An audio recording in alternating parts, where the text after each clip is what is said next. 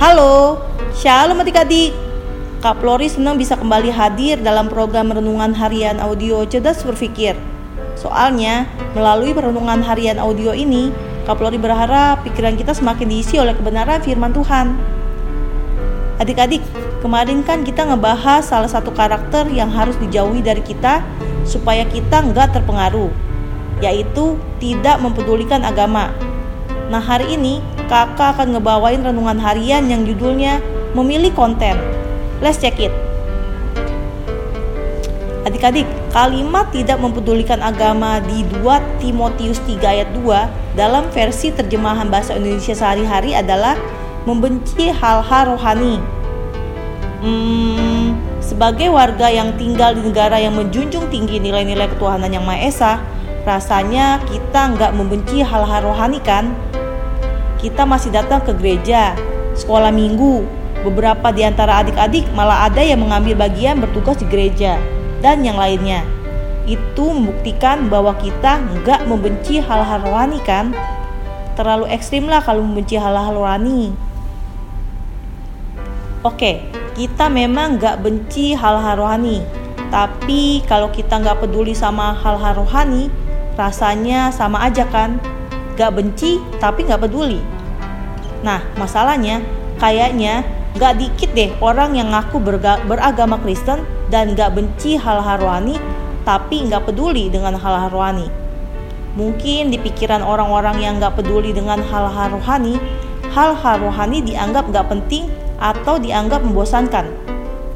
Gak heran ketika sesi penyampaian firman Tuhan dalam ibadah, ada yang sibuk main gadget dan gak mendengarkan firman Tuhan dengan baik.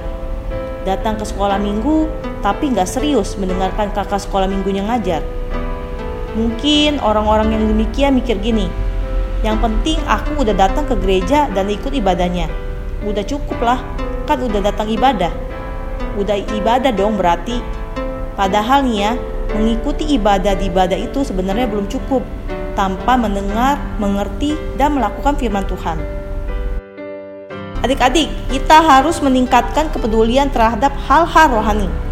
Hal-hal rohani yang Kak Flori maksud adalah segala sesuatu yang bisa membuat kita mengerti kehendak Tuhan dan membuat kepribadian kita lebih baik. Dan hal-hal rohani bisa kita dapat gak hanya di gereja loh, Tuhan mengizinkan makin canggihnya teknologi informasi dan komunikasi kayak internet dan gadget ya supaya kita bisa menemukan hal-hal rohani di mana pun dan kapan pun. Sekarang mari kita cek diri kita deh. Dari sekian jam kita bermain gadget, apakah sebagian besar waktunya kita habiskan untuk konten-konten yang bermanfaat bagi kerohanian kita? Kita harus memperhatikan konten yang kita konsumsi melalui internet kita harus berhati-hati dalam memilih konten apa yang mau kita konsumsi. Kaplori mengarahkan adik-adik untuk mengkonsumsi konten-konten yang bermanfaat terutama bagi kerohanian. Adik-adik, Kaplori nggak ngelarang kamu untuk konsumsi konten yang menghibur loh ya. Cuma ya kita, kamu dan kakak harus hati-hati dalam memilih konten yang dikonsumsi. Lagi pula nih ya, Ngapain kita habisin kuota untuk banyak hal yang sama sekali nggak ada faedahnya? Misalnya, kita nonton channel si Anu di YouTube yang isinya kebanyakan prank, aktivitas dia sehari-hari, dan lain sebagainya. Sekali-sekali mah nggak apa-apa lah, tapi kalau keseringan, ya kita cuma ngabisin kuota aja. Channel yang kita tonton dapat uang, kita nggak dapat apa-apa. Sia-sia kan? Kita jangan maulah habisin banyak hal untuk kesia-siaan.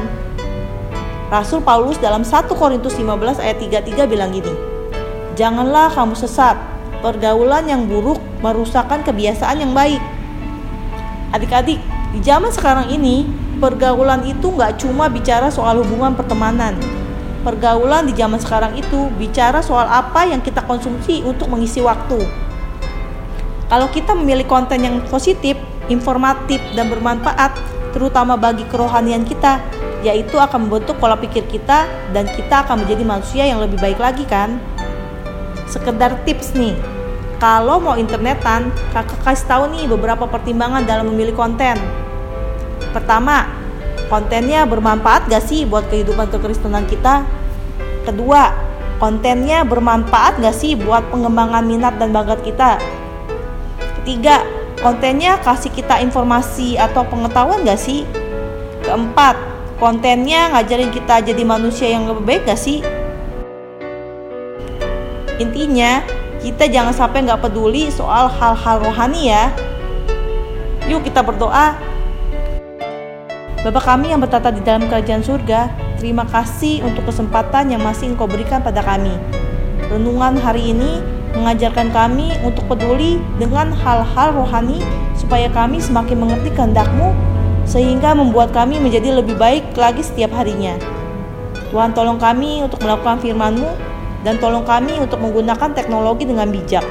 Salah satunya dengan memilih konten yang baik sehingga kami tidak merusak pergaulan kami yang baik dengan hal-hal yang negatif. Di dalam nama Tuhan Yesus, kami berdoa. Amin.